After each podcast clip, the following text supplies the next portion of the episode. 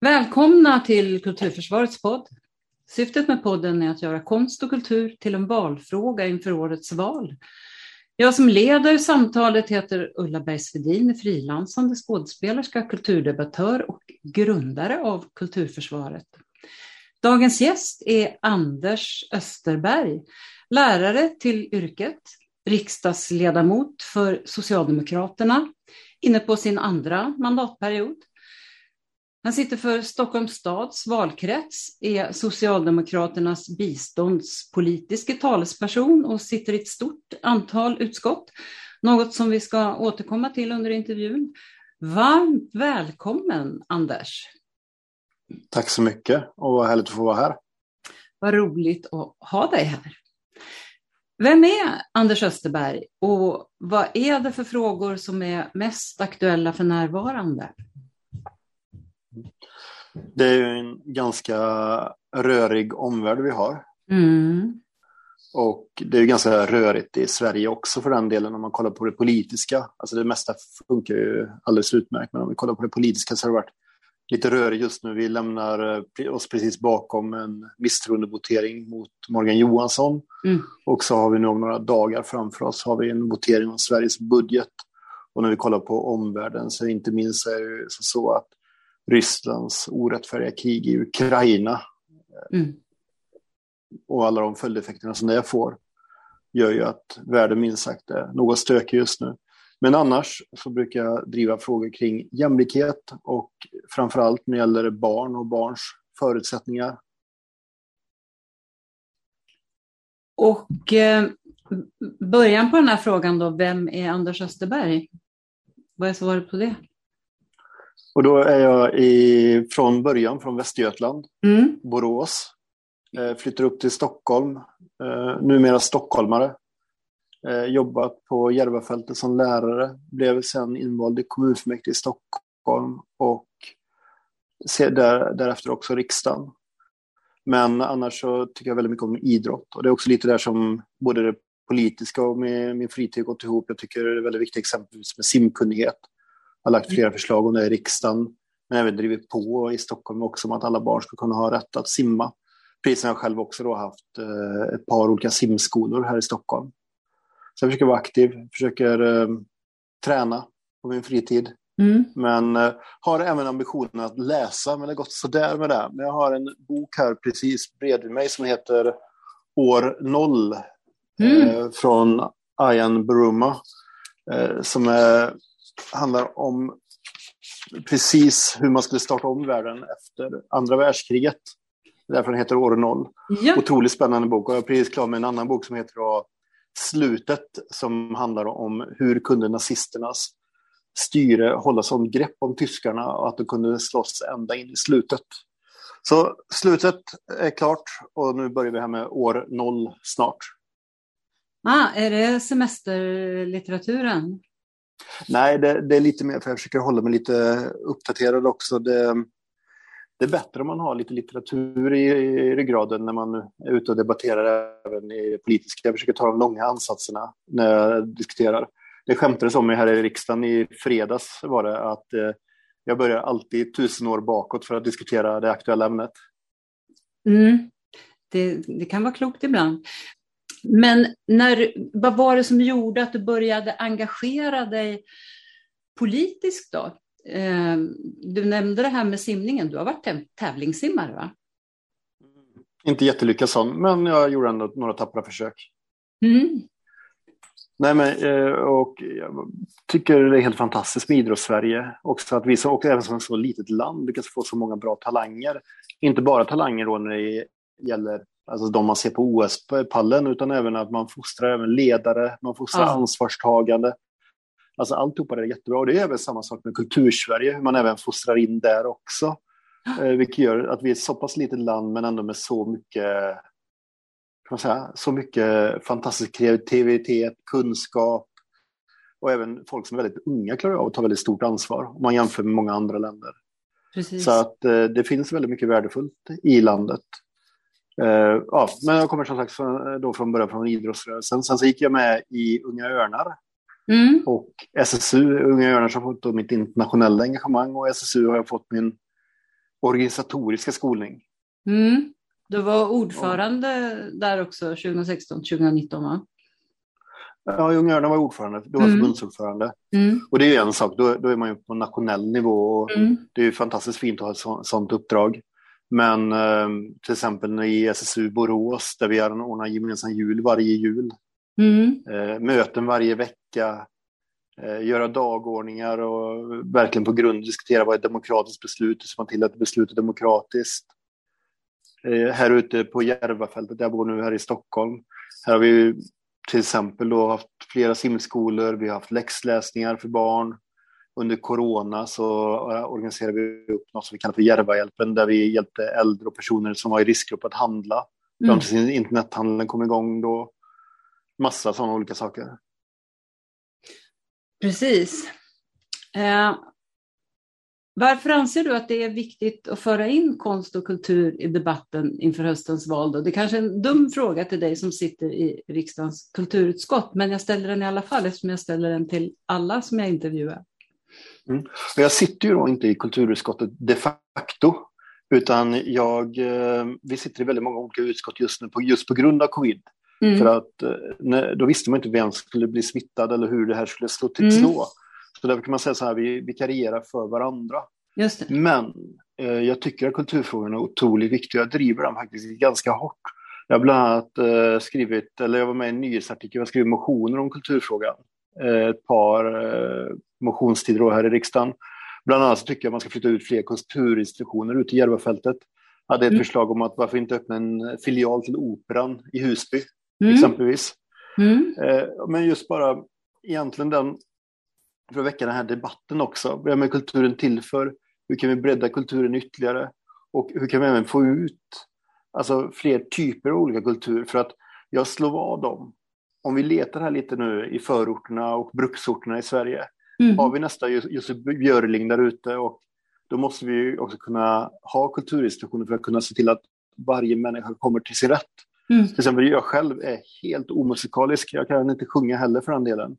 Men jag tycker det är så fantastiskt viktigt att människor ska kunna få prova på, människor ska kunna få ta del av, det här. Mm. Det är mm. så himla viktigt med kulturen för den är verkligen en frigörande och skapande kraft. Det är därför som exempel, jag vill ha både fotbollslaget och jag vill ha operasångerna och körlaget. Mm. Alltså rubbet. Men det är också där som du även kan hitta då din, din rätt. Precis, men det är ju det är ofta konsten och kulturen som eh, fungerar som någon slags budgetregulator i kommunbudgetarna. Varför tror ja, men, du att det blir så? Nej, men jag tror att det blir så för att det är någonting um, som du kan skära på som inte kanske drabbar människor direkt. Om det blir en inställd konsert här, det blir någon arbetslös kulturarbetare där. Men skär du till exempel på skolan så är det någonting som påverkar väldigt många människor direkt. Mm. Men det är som så här att om vi inte satsar på kulturen så påverkar det också demokratin. Mm. Vilket man måste också komma ihåg för att när jag säger det här med att det är en frigörande kraft och viktigt för demokrati, det är inga floskler heller, utan det är som sagt kulturen, den bryter fram, den öppnar nya perspektiv. Mm. Och eh, bara återigen för att ta de här sportreferenserna, jag var kanske inte, jag, nu hängde jag med och simmade jättemånga år, men jag var inte särskilt lyckad simmare. Eh, men det är samma sak att eh, om jag hade inte funkat alls i simning, ja, men då kanske det hade varit bra om jag hade kunnat få pröva på någonting inom kulturen istället och sett om ifall att det kanske var det som var min grej och det kanske var där som man utvecklas och det kanske där man då fostras in i en demokratisk skolning. Som parentes kan jag säga då, jag gick även på några pianolektioner men det var ju fullkomlig katastrof. Men jag tror att det är förlåtet nu.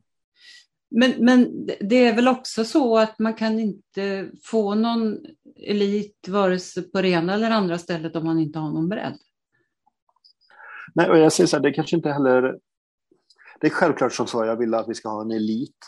Men jag vill också verkligen betona det här med bredden, hur viktigt det är att man får samlade erfarenheter och man kan även utbyta erfarenheter. Mm. Exempel, jag själv, ingen lyckad kulturutövare, men de tillfällen när jag får tillgång till kultur, då tycker jag det är helt fantastiskt. Eh, det spelar ingen roll om det är teater, opera, eh, orkester mm. eller så här enkla saker som när man blir upplyst om Sveriges historia på någon vägskylt någonstans. Mm. Men det är, bara, det är det här viktigt att man får de här inspelen. Och det är också därför som det är också viktigt att man faktiskt lyfter upp och satsar på kultur. Men även också pratar om ett aktivt samtal om vad kulturen också betyder, betyder för samhället. Jag tycker även att det här, de här diskussionerna om så kallad provokativ kultur mm. är också väldigt bra för det, för, för det politiska samtalet. För att det är, så här, det är vissa frågor som man aldrig har tänkt på innan som man helt plötsligt måste diskutera och måste förhålla sig till. Det är bra för det, det, det tränar liksom hjärnan, allas ah. hjärnor. Och alla kan tycka någonting och det är inga, inga låsta positioner. Och det har varit ett par gånger som kulturen har skakat om hela Sverige jag tycker att det, det är uppfriskande. Det är roligt. Ja, och därför tänker jag att det, jag är förvånad över att journalister inte ställer några som helst frågor om konst och kultur i debatten. För att eh, vi har ju ändå ett parti som har startat ett så kallat kulturkrig. Och det borde ju ge anledning att ställa frågor. Men det verkar inte som om det triggar på något sätt. Nej, men sen också är det så att kulturkriget är ju en grej, men jag tänker också att kulturen som skapande kraft och rör om, alltså den är ju också då den här demokratiska motkraften kan man säga. Mm. Eh, vilket är så viktigt just i hela samhället som, som helhet. Och det är också därför jag också tycker att kulturen bör få bryta fram mer. Och även, det handlar inte bara om, nu har jag varit inne mycket på olika institutioner, men det handlar ju även om alltså hela spektrumet. Mm.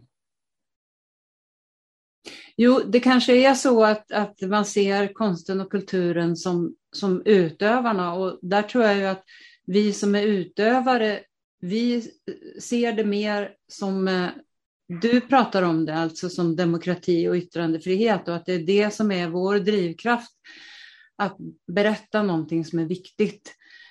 Det är inte för vår skull som vi håller på, Eh, nej, nej, jag kan säga så här också, att nu sa jag här innan nyss att jag tycker kultur är roligt och alltihopa det. Det innebär ju inte heller att jag inte blir förbannad. Jag blir ju också ofta förbannad på någon kulturarbetare som tycker någonting. Ja. Men det är också det som jag tycker är själva vitsen. Ja, jo men precis. Det, det är ju det. Eh, det är ju väldigt eh, spännande när människor blir upprörda eller engagerade framför allt. Eh, för det är ju, det är ju själva, det är själva meningen att man ska engagera på ett eller annat sätt. Och kanske glädja eller roa eller vad det nu kan vara. Men i alla fall att det ska väcka någon form av känslor och engagemang. Mm, och gärna eftertanke.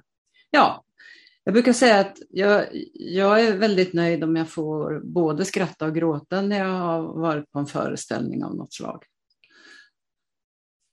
Du, du, du har ju, som du var inne på, arbetat som lärare i Järva och det är ju ett område som vi i övriga landet har lärt oss att förknippa med gängskjutningar, trångboddhet och höga dödstal under pandemin. Och det är också ett av de områden som fått stämpeln utsatt område. Hur ser din bild av Järva ut? Den bilden stämmer. Mm. Men det finns också en annan bild av Järvafältet. Mm. Exempelvis det var på Järvafältet som inom då 18 timmar efter att vi greppade att det var en pandemi på väg lyckades och starta exempelvis Järvahjälpen. Mm. Eh, där vi hjälpte då hundratals äldre och personer i riskgrupp att handla under pandemins första månader. Det är på Järvafältet som vi till exempel lyckas hitta ideella ledare hela tiden till fotbollslagen, till simskolorna, till läxläsning etc. etc. Och det är klart att vi har jättemycket problem på Järvafältet, så är det. Men det är också på Järvafältet som, om vi tar exemplet under pandemin, det var de som såg till att hela Stockholm höll igång. Utan Järvafältet så stannade hela, skulle hela Stockholm ha stannat. Men det bor också väldigt många blandade grupper på Järvafältet. Det finns en stark gemenskap. Eh, så tyvärr då, så jag har fått flera stycken pojkar skjutna på min egen gata. Mm. Känner en mamma som fick sina två söner skjutna väldigt väl. Robin, 15 år, nyss fyllda 15, som dog och Alejandro som blev förlamad för resten av livet exempelvis. Mm. Bara för att nämna två av många, många. Men till exempel även den här mamman, hon är också superengagerad och nu har vi även gått in i politiken och driver på just mot våldet. Det är en kultur som har satt sig, en negativ kultur som har satt sig då, där ungdomar värderar människoliv väldigt, väldigt lågt och det är så otroligt sorgligt. Och det måste brytas, det måste brytas på flera olika sätt. det är också det, även där som jag har skrivit flera, flera gånger om att man måste bryta det här med bland annat kultur. Mm. Och ett bra förebyggande arbete där kulturen ingår.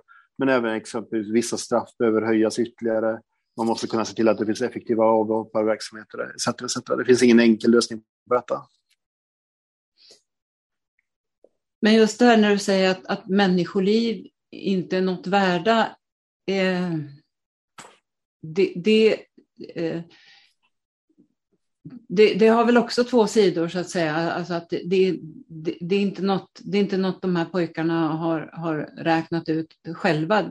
Det kommer väl också någonstans ifrån så att säga. För ofta är det ju inte så att barn värderar sig själva utan det kommer från det, det kommer sig av hur de känner sig. Ja, men det är också jag menar med att det har blivit en negativ kultur. Vem 17 när du är fem år gammal drömmer om att du ska bli knarklangare. Det är ingen Nej. femåring som drömmer om det. Nej. Utan vi måste kunna se till att vi har ett samhälle där eh, barn och ungdomar vågar drömma och tänka större. Mm. Och, men så är det inte för alla. En del blir inte äldre än 35 år i frihet. Antingen så är de döda eller så sitter de fängslade. Mm. Men det är också därför som vi måste se till att kunna ha ett starkt samhälle som visar också på alternativet är mycket, mycket bättre. Och vi har vuxna förebilder och vi visar på glädjen i, sam i samhället. Mm. Visar att Alltså det är så sorgligt nämligen att så många unga människor på Järvafältet har dött. Mm. Alltså tänk egentligen, de är inte äldre än så 17, 18, 19, 20, 25, några av dem. Ja. Det, det är ingenting. Men också det att det är väldigt många unga människor som får uppleva destruktivitet. Jag är en kille som jag hade i förskolan för massa år sedan. Förra året när han gick hem från skolan så gick han hem vid Husby torg. Körde upp motorcyklar på torget. De sköt av en, en salva. Och han börjar springa, alla börjar springa. Han tänker, varför jagar de mig? Varför är de ute efter mig? Varför vill någon döda mig? Mm. Och så fortsätter de springa och så skjuter de då en man bakom honom, inte alls långt därifrån. Mm. Och då förstår han så här, som sagt att det var inte honom de var ute efter, utan de var ute efter den här mannen. Men vilken tolvåring ska behöva få uppleva det här? Mm. Mitt på ljusa dagen när de är på väg hem från, från skolan. Ingen tolvåring ska behöva uppleva det här, ingenstans. Och det är också därför som vi måste fortsätta kämpa. Vi måste bli av med våldet från våra gator. Och vi måste även göra allting, alla, på alla sätt. Men också där, det är också därför han också pekar ut kulturen som särskilt extra viktig. Faktiskt. Den är en del av många av de här pusselbitarna som behövs för att komma till bukt med de här problemen. Men jag tänker också på det du sa här att det var många från Järvafältet som höll Sverige igång under pandemin. Jag antar då att du tänker på de som jobbar i kollektivtrafiken, taxiförare, sjuk, inom sjukvården och så vidare. Men det hör man ju väldigt sällan någonting om egentligen. Det fanns de, när det blev känt att många på Järvafältet var smittade. Vi varnade faktiskt ganska tidigt då från Järvahjälpens sida mm. och sa att det är någonting som inte är rätt. För vi såg ju själva hur ambulanserna kom och hämtade människor. Mm. Och en del av dem kom ju aldrig mer hem igen, utan de dog. Mm. Men då fanns det de som sa att eh, Järvafältets eget fel, mm. att man blev smittad. Och gick ut i olika debattartiklar om det. Och det gjorde faktiskt väldigt ont. Måste säga. Det gjorde ont på oss som helhet och det gjorde ont på vissa grupper i synnerhet. Eh, som blev eh, särskilt utpekade. Då. Att det skulle vara deras eget fel att de bodde trångt? Eh. Ja, det skylldes exempelvis eh, på den assyriska och somaliska gruppen skylldes det på deras kultur. Och det skylldes på trångboddhet och det skylldes på flera andra faktorer. Mm. Och det är ju så att jag tror inte att de flesta väljer inte att bo trångt, utan det, det är olika situationer som man hamnat i det. Och i det läget så behövde vi, vi behövde hjälp och vård, inte skuldbeläggande i det ja. läget. Men det är också så här, och det är precis som du säger, nej, det lyftes inte fram alla de enorma kollektiva insatser som gjordes från Järvafältet ja. under den här perioden. Men så är jag väldigt tacksam då för att få lyfta nu, nu i den här podden. Ja, men för, för det är ju det också som behövs, tänker jag, för de barnen att få höra att just deras eh, vuxna eh, spelar en väldigt viktig roll. Eh, ja, men en, otrolig roll, en, en otrolig roll där. För att när, när de flesta jobbar, eller när många jobbade hemma, Ja, så var inte det ett alternativ för många av oss på Järvafältet. nej. Utan vi var tvungna att hålla, hålla igång Sverige och Stockholm. Ja. Och då, då tänker man ju att det är verkligen någonting viktigt att bära med sig, att det var, det var mina föräldrar och mina släktingar som faktiskt gjorde att Sverige fungerade. Ja, och det ska man också göra med stolthet. Jag menar det.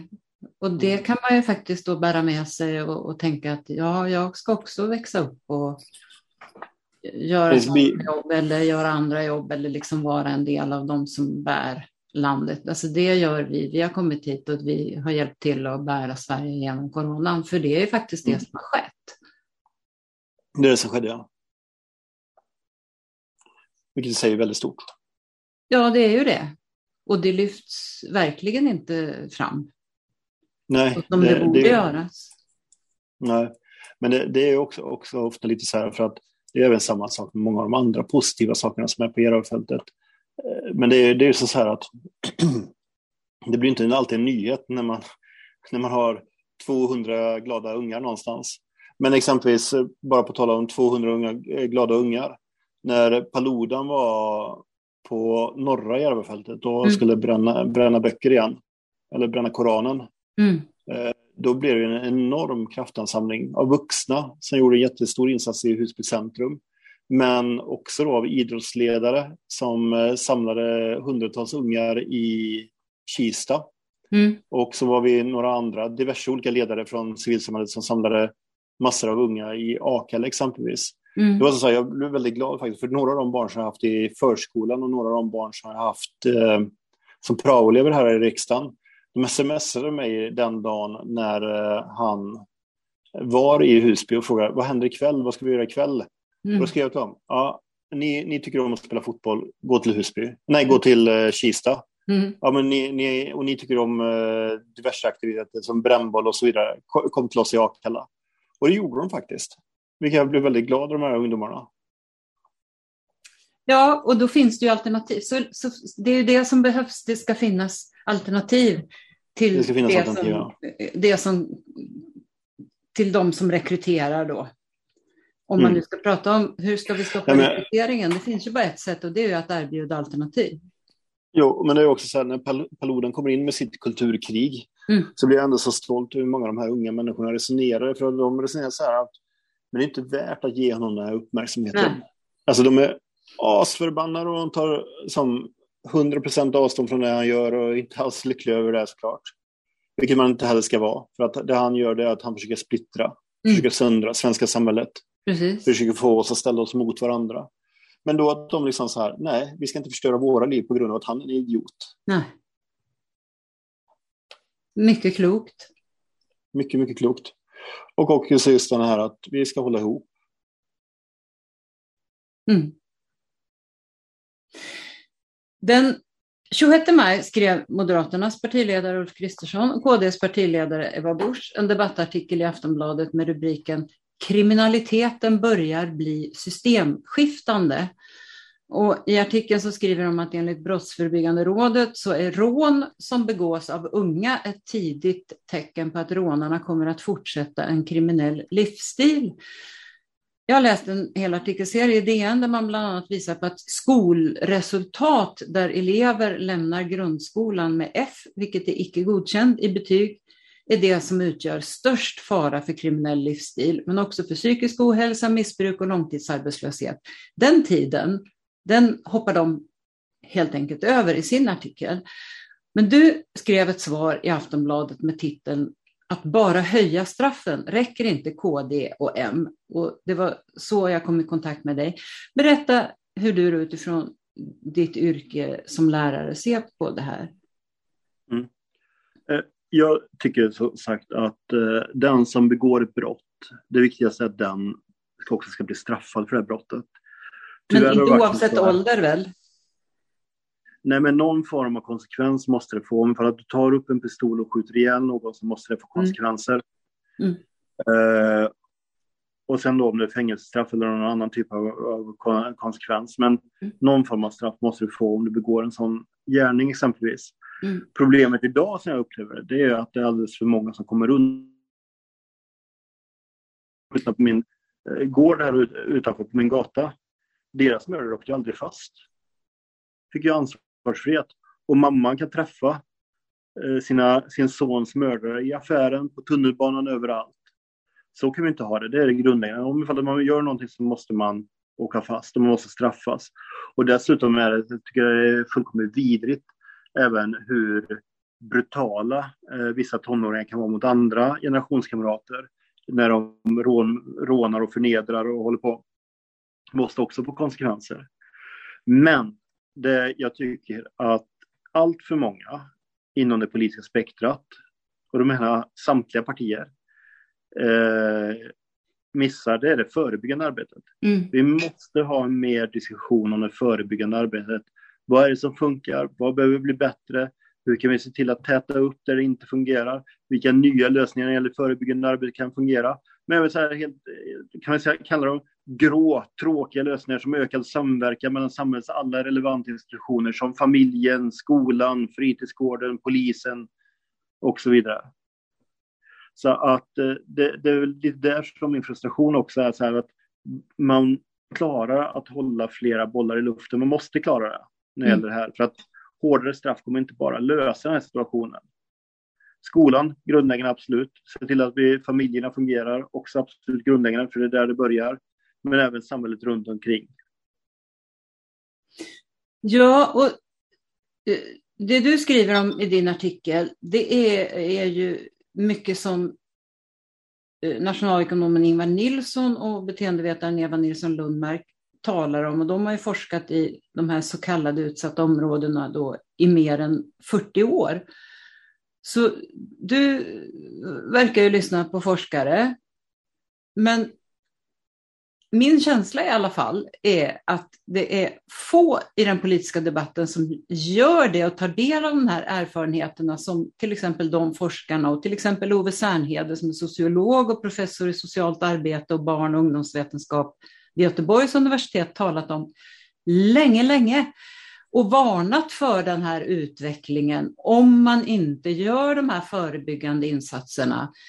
Eh, och, och det, det, gör mig så förvånad över att, att man liksom på något sätt eh, nu säger oj, nej men, för, för jag menar det här, det här, det här blir som ett slags skyll, skyllande på, på varandra från båda sidor så att säga och egentligen det, det är ju lika mycket bådas och ingens fel skulle man kunna säga, utan det är, ju, det, är, det är en utveckling som har skett och som man har kunnat studera i andra länder.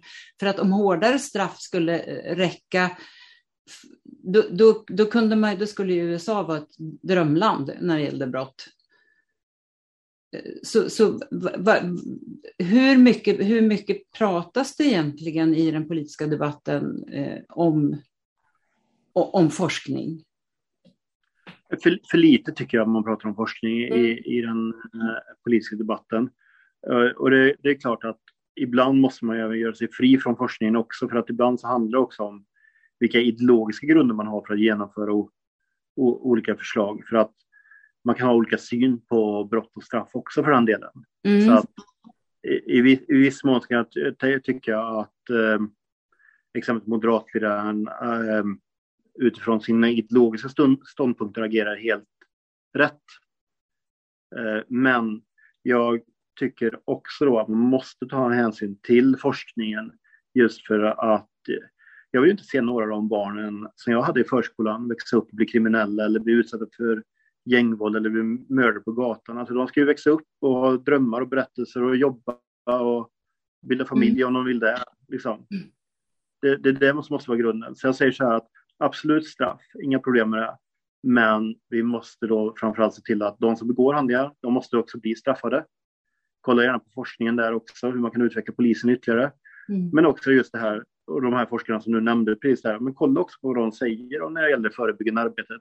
Man kan inte bara ignorera det i debatten bara för att det känns bra att ropa höga straff hela tiden. Utan det förebyggande arbetet måste också komma med.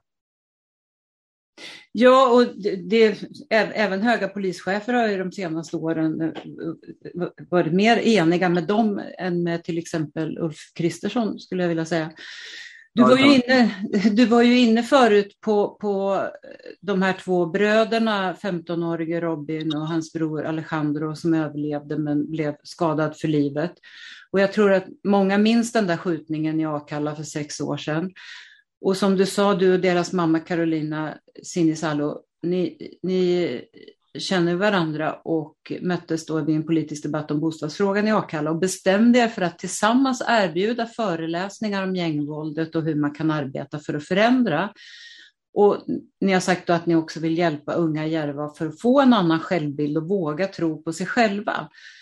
Och ni har ett antal punkter i er föreläsning. Kan du berätta lite om vilka det är, vad ni vill uppnå mer om och hur det har utfallit?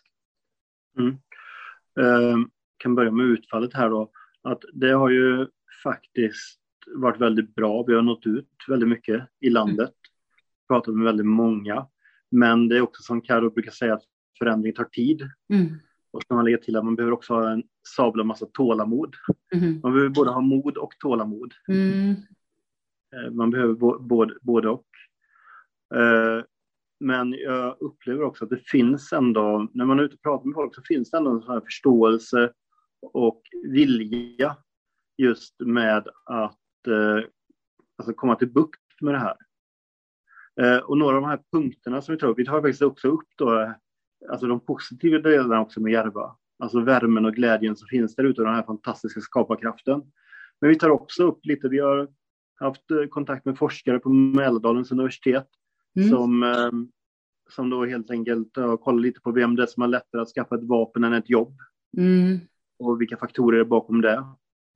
Vi, vi tar också upp eh, hur, hur man kan liksom komma runt det här med, med gängvåldet, gängvåldet.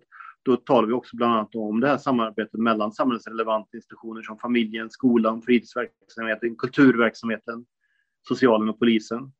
Men vi pratar också lite här om, om hur man kan få alla unga att bli aktiva förändringsaktörer i sitt område. Mm. Och även hur man kan få in unga som kanske, framförallt killar, men även tjejer, som misslyckas i skolan, hur man kan få in dem och få dem att lyckas på annat sätt. Genom arbete, genom praktik eller något annat. Men också där hur vi kan integrera Sverige bättre. Vi har ju enorma reserver i, på universiteten och högskolorna. Hur kan man göra så att kanske människor där eh, kan vara mentorer i, nu mm. säger du utsatta områden, men vi brukar kalla det för eftersatta områden. Mm. Vi tycker då att det är en politisk lösning, man ska satsa mycket mer där ute. Eh, mycket bättre om... benämning.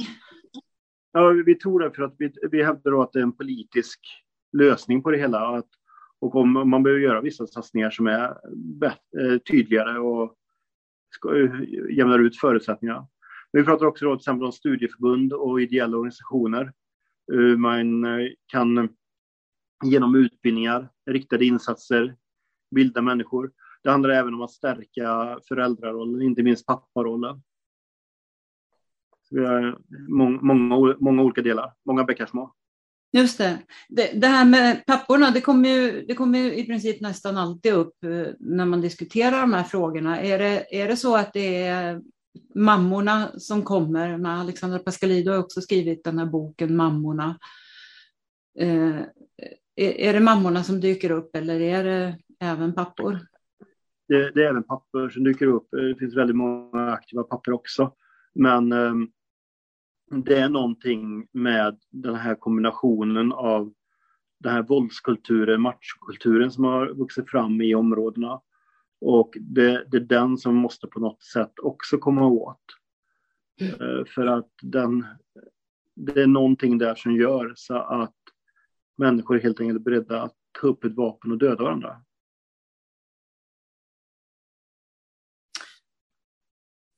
Ja. Eh, apropå dödlighet som inte då eh, nödvändigtvis har med den, de, den delen att göra. Ni socialdemokrater har ju nu lovat att ni ska arbeta för det som jag tror det är cirka 80 procent av, av eh, oss som är eh, röstberättigade tycker, nämligen avskaffa vinster i välfärden. Och DN har ju då haft den här artikelserien och det verkar ju onekligen som om skolans marknadisering sammanfaller med någonting väldigt otäckt, för man har mätt dödligheten bland unga vuxna i olika länder och där har det visat sig att Sverige sticker ut och att det sammanfaller med att skolresultaten sjunker som en sten från 90-talet och framåt och vårterminen 2021 gick så många som 14 procent ut grundskolan med så dåliga betyg att de inte var behöriga till gymnasiestudier. Och flera av de eleverna har neuropsykiatriska funktionsnedsättningar som autism får inte rätt stöd i skolan. Och när jag hör vissa politiker säga att elever ska anstränga sig mer och lärare ska tillämpa hårdare tag och att kraven ska vara högst ställda, så har jag svårt att se hur det ska kunna hjälpa de barnen. Och självmord står för en hög andel av dödstalen. Och samtidigt har vi då tagit bort estetiska ämnen som obligatoriska och även lek och idrott till förmån för mer matematik och språk. Och kulturskolan är inte jämlik i hela landet och frågan om bemannade skolbibliotek är inte löst. Den, eh, Gustav Fridolin gjorde en utredning på uppdrag av regeringen. 2021 tror jag den kom, den, det betänkandet, om att det ska finnas bemannade skolbibliotek till exempel. Eh, och då, då tänker jag att jag vill fråga dig om du kan se ett samband här som det vore värt att nysta i. Ja, nu, nu när du berättar här så tänker jag lite på min egen när jag jobbat som lärare, framförallt i förskolan. Då tänkte jag så här, vad är en lyckad dag i, i förskolan med mina femåringar där? Mm. Och då definierar jag mina kollegor att en lyckad dag, det är när varje barn kan gå hem och säga idag lyckades jag med det här. Mm. Och vara stolt över det också. Och att du även under samma dag även ska kunna bekräfta varje barn på något sätt det är en lyckad dag. Och mm. jag tror även det här, sa in lite på just med varför vi behöver kulturen också överallt. Mm. Det, det är samma sak i skolan där med att även där behöver man kunna komma hem och vara stolt över någonting. Mm. Det här har jag lyckats med. Och när man tänker på det egentligen, det här, med, det här får man kanske inte säga i dagens Sverige, men man kanske ska vara medveten om det då, men det med betyg, det blir ju gärna ganska personligt också. Mm. Att eh, det måste man också veta att bara för att man då får ett underkänt så innebär det inte att du underkänns som människa. Och det, det, det, måste man också prata om ibland tror jag, för att det, det är väldigt stor stress med betygen. Det är jätteviktigt med betyg om man ska ha bra betyg och allt på det. Köper det. Men vi måste också prata om den andra sidan med betyg och lite hur det är ur elevens perspektiv och ur hälsoperspektiv inte minst. Du tog upp det här med psykisk ohälsa vilket jag tror också är en debatt som man måste kunna föra. För att någonstans måste vi även bygga ett samhälle där människor mår bra. Mm. Och där tror jag just, återigen, att kulturen är väldigt viktig. Precis. Eh, och eh, skolministern Lina Axelsson Kihlbom har ju reagerat omedelbart, väldigt, väldigt snabbt också på, på, på de här uppgifterna och, och inte minst då på och sagt också att det är ett enormt misslyckande, misslyckande för samhället. Eh, och att hon också har sagt att hon känner igen den här typen av historier som de har redovisat från sin tid som rektor. Och att eh, hon vill ha Eh, en, hon, hon, har tillsatt en utredning, eller tillsätter en utredning som bland annat ska analysera om grundskolans betygssystem ska göras om. Och eh, det, det, tycker jag är väldigt intressant. Eh, och hon vill undersöka då även andra förändringar för att hon ser den här risken då att unga människor tidigt slås ut från såväl utbildning, för det, det följer ju med om arbetsmarknad naturligtvis. Och då är vi ju inne på det som vi har, de här unga människorna då, som blir helt, eh, säga, tappar fotfästet och blir väldigt lätta offer för de här rekryterarna eh, kan man ju lätt eh, förstå. Och så säger hon ju också att vi har ett system idag som bygger på tävling och konkurrens, precis som du säger, och många som känner sig dumma utanför. Men då kommer ju direkt då Liberalernas skolpolitiska talesperson Fredrik Malm och är orolig för att regeringens utredning kommer att träffa snett. För att eh, han menar då att eh, man ska ha höga förväntningar och att elever presterar bättre när de har mer att sträva efter och att det har ingenting med marknadstänk att göra. Hela mänsklighetens utveckling bygger på att vi vill utvecklas. Och då tycker jag att när du säger så där att man ska känna att man utvecklas så tänk, tänker jag att du menar att det ska utgå ifrån varje individ. Jag, jag tror, jag tror att uh, varje individ är med i samhället så jag tänker att ja. det är en växelverkan. Men bara för att backa lite där. Jag tror också att ibland måste vi gå tillbaka till det grå i politiken också. Att du gör en utredning, sen så gör du en reform, sen mm. så gör du en utvärdering och så får man mm. korrigera lite. Ja, men det här var mm. bra, det här var inte bra. Och det är så också man hittar då utvecklingen framåt. Ja. Det är också därför jag välkomnar det som kommer från eh, skolministern. Jag tycker att det är bra. Jag tycker att det är ansvarsfullt också för att när man lyssnar även på professionen så verkar inte de heller riktigt vara nöjda med dagens system. Det finns väldigt mycket kritik på det. Så jag, jag, tror inte att det kommer innebära jordens undergång. Nej, utan jag, jag, tänker, jag tycker att det låter oerhört eh, klokt och det är väl också väldigt bra att hon själv har varit eh, rektor så att hon kan liksom relatera till, eh, Men det, till det, det hon hör så att säga. Ja, och det, det är också så här, det, det, finns alltid saker man måste hela tiden korrigera och det är bra, ja. bra man gör det. Det är bara det att jag tror att man det är väl också därför som demokrati är att föredra av alla styrelseskick just för att eh, det är lite bråkigt, det är lite, det är lite stökigt ibland. Men det är också så som man även utvecklas. Man, man eh, går ja. framåt. Sen när man kollar på det bakåt då, med tio års sikt så verkar ju allting ha varit en jättestor plan hit och dit alltihopa. Men oftast är det så att man trevar sig framåt.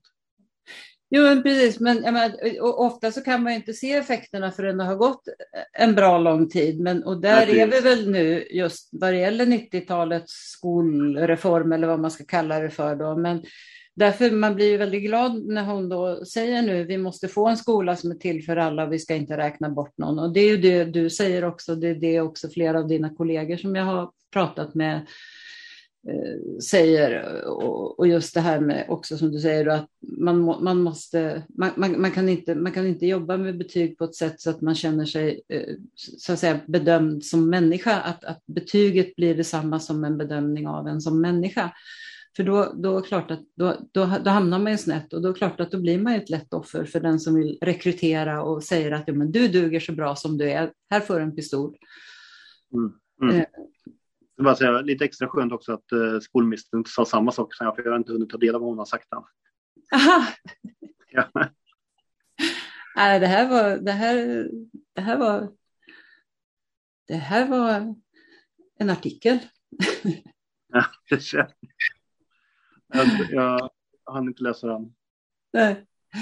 Uh, nej, men sen, jag tänker på det, jag blir så glad att du uh, hela tiden tar upp just eh, kulturen som, som ett verktyg. Eh, för eh, det finns ju också en hjärnforskare som heter Per-Olof Nilsson och han, han, han säger så här att om du läser så lär du dig. Får du se, då lär du dig ännu bättre. Men om du också får göra, då lär du dig riktigt bra. Och det är ju också en sån där eh, ska säga, ett, stöd för att om man använder eh, kulturen och konsten som verktyg så, så är ju det också ett... Eh, ja, det, det, han menar att det fungerar väldigt bra, så att säga. Mm. Learning by doing. Learning by doing, ja, helt enkelt. Det var ett av våra slagord på lärarhögskolan. Ja, aha, det hade ni. Jag tror att det och nu, ska jag, nu hoppas jag inte att någon av mina gamla lärare kommer lyssna, men antingen är det Piaget eller så är det Vygotsky. Jag tror att det är Vygotsky. Ja. Men det är ju bra. Så om, någon, om, någon av, om någon av er lyssnar på det här, rätta mig inte om jag har fel. Nej, men det är ju, det är ju, det är ju väldigt bra och det, det talar ju ändå lite emot det, det här med att man att man betraktar, vilket eh, flera har sagt här, att man betraktar de estetiska ämnena som lite inte riktiga ämnen. Mm. Medan man istället kanske borde integrera dem mer i, i samtliga ämnen. Eh, mm. Om, man, om man vill eh, om man, om man, om man vill att, att människor ska lära sig saker och ting. Du, vi var ju inne på det att du sitter i ett antal utskott i riksdagen. Jag vet inte om jag riktigt förstod vad du menade att du inte satt i kulturutskottet, men, men eh, är det så att det här med att du är suppleant, är det en lösning utifrån coronasituationen? Är det det du menar? Ja, det stämmer. Det, det stämmer. För att då, då, då valdes vi in i massa olika utskott för att helt enkelt kunna, ah. om jättemånga föll bort så skulle vi kunna vara flera som ja, ja. skulle kunna rycka in. Just det, vid sjukdom sådär. Men, ja, så jag, jag, har, jag har jättemånga fina titlar just nu. Ja, jag lever inte upp till dem. Jag förstår. Men kulturutskottet, utbildningsutskottet, justitieutskottet, socialutskottet, arbetsmarknadsutskottet, näringsutskottet och finansutskottet. Eh, men har du, har du varit på möten i de här utskotten? Ja, no, några av dem har jag varit på möten i, men det, det mest verksamma är i utrikesutskottet. Ja. Eh, sen så har jag varit en del i försvarsutskottet och en del i skatteutskottet.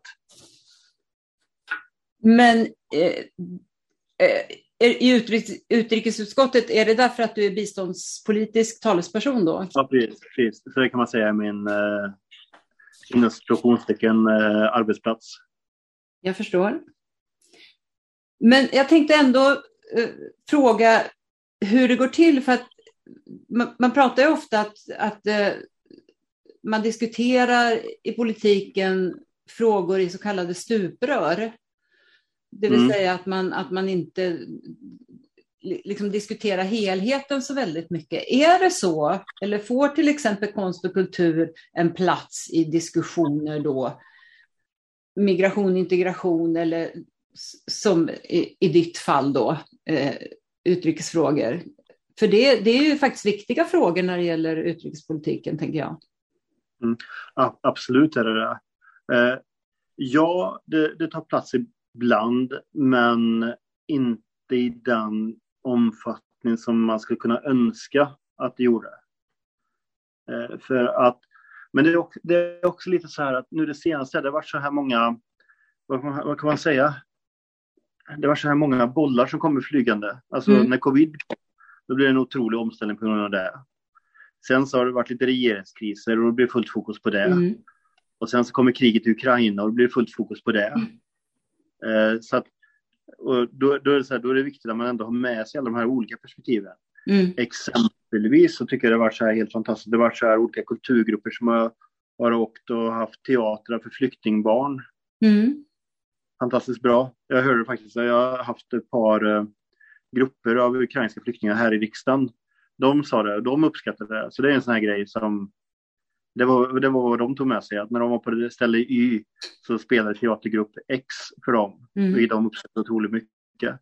Så det är klart att kulturen har, liksom, den har, den har en plats överallt, men den kanske inte alltid får den plats som den förtjänar i det politiska samtalet och de politiska diskussionerna.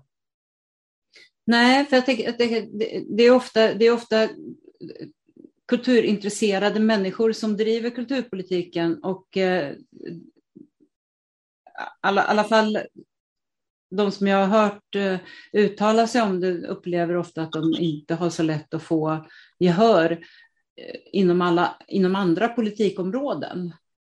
Mm. Du arbetar inom andra politikområden men är väldigt engagerad i kulturfrågor så tänker jag att det är ändå ett, ett, ett bra läge eh, för att ja. kunna föra fram. Ja, det, men det är också just därför jag tycker att kulturen är så pass viktig. Mm. Och som sagt, jag förstår mig inte alltid på den. Men jag inser liksom att det är jätte, jätteviktigt. Vad är det du inte tycker att du förstår dig på? Kulturarbetare. Vad intressant. Vad är det du inte förstår? Är det något, något jag kan förklara? vi kan köra helt eget program om det här. Nej, men, Nej, nej men eh, säg att eh, kulturarbete det är ju ett eget släkte eh, som är jättefascinerande. Mm. Eh, och eh, oj, oj, här, här kommer jag in på djupt vatten nu va? nej, jag ska, inte, jag ska vara snäll. Frågar ja, du? Nej. Ja, frågan är vad dina lyssnare kommer vara. Men, nej, men så här, att jag, som jag sagt innan här, alltså jag, jag, jag, kan inte spela teater, jag kan inte sjunga, jag kan inte spela, jag kan inte göra någonting. Eh, och jag är inte särskilt, vad ska man säga, teatrig av mig eh, heller. Men jag tycker att det är så otroligt viktigt att det finns i ett samhälle för jag ser hur mycket man bidrar, hur mycket kulturpersonligheter bidrar till samhället. Som, bara för att återigen vandra till liksom det lilla, som exempelvis att det är sommarteatrar för barnen i Husby. Mm. Gick och kollade på det. Så sjukt värdefullt och så sjukt bra diskussioner som det ledde till i barngruppen efteråt. Just det. Sådana grejer är så jätteviktigt. Och sen så försökte jag då prata med en skådespelare efteråt, men det var helt omöjligt. Så nu kanske jag kanske förklarar det. Aha, men, men det behöver ju inte betyda att det är omöjligt att prata med alla, alla inom konst och kulturområdet. Det, det kanske bara, det kanske var någon som... Har, har man en kant ska man dra alla över den. Nej, jag ja. bara. Jo, nej men det men, kan... Nej, om man, om man säger så, det, det, är som, det, det är inte oftast mitt, mitt fält, det är inte min arena. Uh, men men sagt, det, det innebär sagt, inte att jag tycker det är oviktigt, utan tvärtom. Det är mm. super, superviktigt. Precis, och eh, eh, jag, jag är av den eh, åsikten också att vi som tycker att det är viktigt med konst och kultur, alltså både vi som är utövare och ni som arbetar politiskt, vi behöver prata mycket med varandra för att kunna hjälpas åt och driva ja. frågorna. Absolut, absolut. Eh, så, så det tycker jag absolut vi ska fortsätta med. Eh, men det här arbetet som du har då, som biståndspolitisk eh, talesperson. Vi har ju en akut flyktingsituation nu på grund av att det eh, är krig i Europa, någonting som man knappt har kunnat ta in än. Men ser du en roll där för konsten och kulturen när det gäller barns och ungas möjlighet att klara av situationen och som läkning? Och jag tror inte det bara gäller de som faktiskt är barn eh, som själva är på flykt just nu, utan också barn som har kommit tidigare och, och eh, även barn som är födda av svenskar och bor här. För att man, jag, jag tror att alla barn nu hanterar det här på olika sätt. Vad tänker du om det? Nej, men det, det, är lite det jag tänker att det är självklart också. Nu, nu, nu pratar jag om teater här igen, men alltså via teatern exempelvis kan man eh, få igång diskussioner och alltihopa. Jag tror också att via kulturen man kan väcka olika typer av perspektiv, eh, vilket också är jätteviktigt. Eh, jag, jag, ska inte hamna för mycket så här exempellåda, men det korta svaret på den frågan är självklart ja. Mm. Och det är också därför som jag tycker att man ska just satsa på kulturen. Man ska ha det här, med det här perspektivet också, gärna även i, i valdebatterna. Tänk vad roligt det skulle vara om den här frågan skulle kunna lyftas. Kulturen kopplat till flyktingar, kulturen kopplat till skolan ja. eh, som, som en bärande kraft. Jag tror att det skulle bli väldigt många intressanta tankar, för jag tror, tänker även från konservativt håll finns det också ganska många intressanta takes på kulturen då som är, som är värt att diskutera. Mm. Ja, verkligen. Och eh, Stefan Hansen som är VD för Unga Klara och även de konstnärliga ledarna där har ju i flera artiklar under eh, covid-19 lyft den här frågan om det som de kallar för kulturskuld. För jag menar, för mig som är så pass gammal och är, även för dig, även om du är ung, så, att säga, så det påverkar inte oss lika mycket som för barn att vi har förlorat de här två åren av mötesplatser eller av kulturupplevelser. Men för barnen så är ju det här, som någon sa häromdagen, det kan till och med vara så att det är någon som missar den där, precis den där viktiga stunden som vi kan ha haft, alla vi som någon gång har, har upptäckt att ja, men det är det här. Mm. Eh, då, då, då börjar det bli allvarligt och då krävs det ju liksom att nu, nu behövs det kanske extra, extra, extra satsningar, precis som Stefan Hansen skrev i en artikel för några veckor sedan. Och, och där eh, tänker jag att, att det, det har inte jag sett. Att eh, det är någon eh, från politiskt håll som har, som, som har lyft. Och, och, och, det tycker jag ändå borde kunna vara ämne för en, för en debatt. Ja, det, det, tror jag absolut att det kan vara. Det, skulle vara intressant också att se, för att det blir också så när man diskuterar politik så blir det också prioriteringar. Vad är värt att prioritera? Ja. Det var intressant hur det, hur det, hur det bemöts. Mm. Precis. Om, man tänker, om man tänker framtid, så att säga. Ja. Vi har ju varit inne på det lite grann, men eh, ändå, hur ser du på de attacker som sker idag från högerpopulistiskt håll på konst och kultur och på fri press och media? Och vad tror du händer vid ett eventuellt regeringsskifte? För SD har ju tydligt angett att länder som Ungern ses som förebild. Det är ju ledare för såväl konstnärliga institutioner som för, för, för press och media tillsätts och avsätts av regimen. Det blir inget regeringsskifte. Socialdemokraterna kommer vinna valet. Ja, det skulle jag också gärna vilja slå fast. Men eh, för att vi ska så att säga, hålla ångan uppe och arbeta för det så måste vi ju kanske räkna med att det finns de som har en, ett helt andra mål. Och då måste vi också se framför oss varför vi måste jobba för att det ska bli en annan, fortsatt annan regering. Jag, jag, jag, tror att de exemplen är skrämmande just om man tar Ungern men även Polen har också varit ute mm. på en uh, slippery slope. Tjeckien med har varit ute lite och slirat. Och um, vi har ju Ryssland ja, också som de har eh, fraterniserat med. Så att... Ja, absolut. Ryssland ska man ju inte ens tala om. De är på en helt egen, de är på en helt egen karta just nu. Ja. Eh, nej, men med krympande utrymme och de bitarna. Det tror jag är absolut farligt och skadligt. Det bör, börjar oftast med lite prideflaggor mm. och så tar man nästa steg, tar man nästa steg. Mm. Det är inte direkt så att en förändring, den kommer inte komma över en natt, utan man testar sig fram. Mm. Eh, och så skär man lite där, skär man lite där och sen så skär man lite där och sen så vaknar man upp ett par år senare så upptäcker man att ett helt samhälle kan vara förändrat. Ja, precis. Och det, det är väl just det som gör att jag, jag blir ju rädd när jag upptäcker att de lägger förslag och andra hänger på utan att, utan att blinka, verkar det som. Eh, det, är väl, det är väl det som är det mest skrämmande just nu, tänker jag. Ja,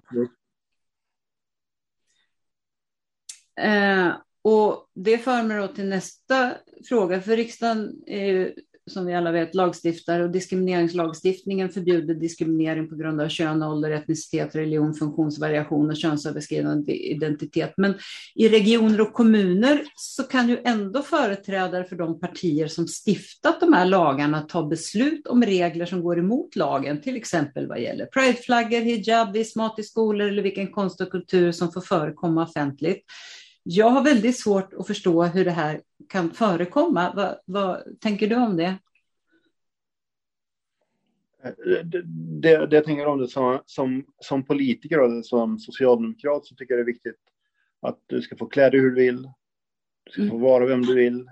Du ska få älska vem du vill. Mm. Är du en tjej och älskar en tjej, varsågod. Är du en tjej och älskar en kille, kör hårt. Är du en kille och älskar en kille, varsågod. Eh, men vi har ju också väldigt starkt självstyre, vilket gör att eh, det på, alltså vad du röstar, det är klart att det kommer påverka. Man ska inte tro något annat.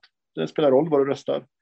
Och det är också därför som man då via de här starka kommunala självstyret, också därför som du kan då och dels opinionsbilda genom att attackera olika rättigheter, men mm. du kan också genom det lokala självstyret liksom göra så mycket, om du vill då, göra så mycket du kan för att försvåra för vissa grupper.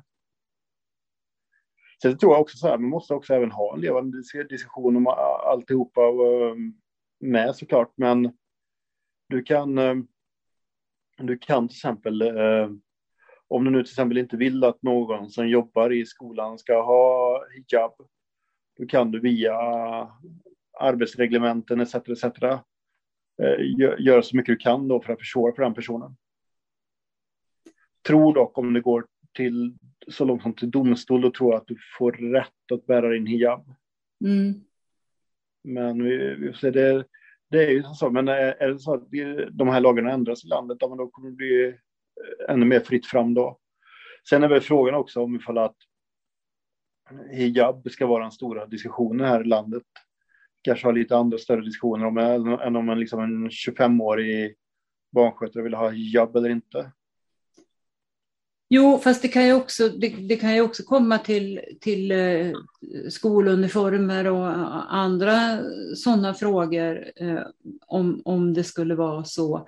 Alltså det, det, för det, jag vet inte, jag är inte alls, eh, jag, jag kan inte juridik på det sättet, men för mig blir det väldigt märkligt när, när det sitter eh, åtta partier i riksdagen och beslutar om diskrimineringslag och sen så kan deras partikamrater i kommuner utan minsta, apropå lag och ordning och att det ska, man ska få repressalier om man inte håller sig det, till det som faktiskt är beslutat och så vidare. Eh, varför får de helt enkelt då bestämma att nej, vi bryr oss inte om det? det, det har jag, jag har lite svårt att förstå hur, hur unga människor ska begripa varför, varför vissa får göra som de vill medan barn och unga ska förstå. Men varför barn och unga ska förstå att de ska lösa sina konflikter lugnt och stilla och, och, och, och, och klokt. Så, så, så håller vi på med att hålla på. Ja, det, är, det är en ganska rimlig invändning. Men, men det är också just det för att när vi tar lagstiftning här, det är inte så att alla åtta partier röstar med. Och det innebär ju då att om man då pekar ut den här 25-åringen som vill bära en hijab, om man mm. pekar ut den hela tiden och så visar man på, det de gör det är ju så här att de visar på om vi hade fått styra, då skulle det bli så här. Ja. Men vi Sen har ju väl, demokrati var... som säger att, att, att det som är beslutat så att säga är beslutat oavsett. Eh... Så jag tyckte det blev lite på sin spets här nu när eh, det var någon skånsk kommun som vägrade ta emot kvotflyktingar. Ja. Eh, det blev, det blev liksom på sin spets, men där fick den här skånska kommunen backa. Det är, mm. självklart, alltså det är självklart att det inte ska behöva gå så långt, det kan jag också hålla med om. Mm. Men jag, jag, fick ju frågan, hur, hur kommer det sig att de mm. kan göra så? Mm. Ja, då, är det så att då har vi ett kommunalt och regionalt självstyre som är väldigt vidsträckt och då använder man de medel man har för att helt kunna bilda opinion. Så skulle jag tolka det. Ja. Sen, att jag, sen, att jag inte håller, sen håller jag inte med då, men det är en annan sak. Nej, just det. Nej, men jag tänkte bara liksom för att jag, jag, jag har... Det, det är många sådana saker som man som medborgare inte alltid riktigt förstår hur det är möjligt, så att säga. Och eh, det, det, det är bra att få det utrett. Jo, men det, det, det är högst rimligt också. Ja. Eh, men det är också så att politiken är ju just nu också väldigt exponerad just eftersom att i riksdagen så är det ett jämnt läge. Det är 174, mm. 174. Ja. Eh, och i kommunerna så är det också liksom eh, där, där kan man också visa så här, så här tycker vi, så här ser vårt alternativ ut. Mm. Ja, My mycket spännande. Eh, då har jag en avslutande fråga till dig. På vilket sätt och vilka anser du att konst och kulturpolitiken bör debatteras inför valet så att det som står i alla kulturplaner blir tydligt? Att konst och kultur är viktigt för såväl samhälle som medborgare. Får jag önska fritt här då? Ja, självklart. Ja, vad härligt. då, då, då, skulle jag, om jag fick önska, jag skulle faktiskt vilja ha det som jag nämnde innan, en stor kulturdebatt där kulturen går in i varje område. Inte, inte diskuteras som ett separat område, utan på varje område. Och så skulle jag gärna vilja ha dem med de främsta företrädarna, dels för landet, för partiledarna på nationell nivå. Men jag skulle gärna vilja, även vilja se eh, den debatten också bland regionpolitiker och kommunföreträdare också. Det skulle jag tycka vore så otroligt intressant. Det skulle vara jätteroligt att lyssna på. Och då, då, tänker du, då tänker du de som eh, så att säga, har, har eh, sitter, sitter på makten i, inom alla politikområden? Då tänker jag på både majoritet och opposition, eller styrande och opposition, nationellt, regionalt och kommunalt. Just det. Och att till exempel man, precis som du har ställt någon fråga här innan, på nationell nivå, men exempelvis hur går kulturen in i skolan? Hur går kultur och klimatpolitik ihop. Alltså, att man liksom kors, korsar debatten så. Det skulle jag tycka var jättekul och intressant. Just det, talespersonerna för alla, all, alla partier då, tänker du dig? Ja, precis. Mm. Det vore otroligt spännande. Ja, jag tycker det. Jag tycker det. Sen får någon annan bestämma form och format. Som sagt, det är inte min grej. Just det, helst inte 30 sekunders eh, svarstid. Nej, precis. Men det, det, var, det var sitt syfte också, gissar jag. Stort tack, Anders, ja, för att du ville medverka. Ja, men jätteroligt. Tack så mycket. Och tack för att ni lyssnade. Och den som vill veta mer om Kulturförsvaret och om kommande poddar kan gå in på kulturförsvaret.se. Och poddarna hittar ni på sidan och där poddar finns. Om ni vill gå med i vår Facebookgrupp så är det bara att gå in och ansöka om medlemskap. Gruppen är öppen för alla som är intresserade av konst och kultur och som tycker att det är viktigt att konst och kultur och fri press och media diskuteras på samma villkor som andra politikområden inför valet. Tack och på återhörande.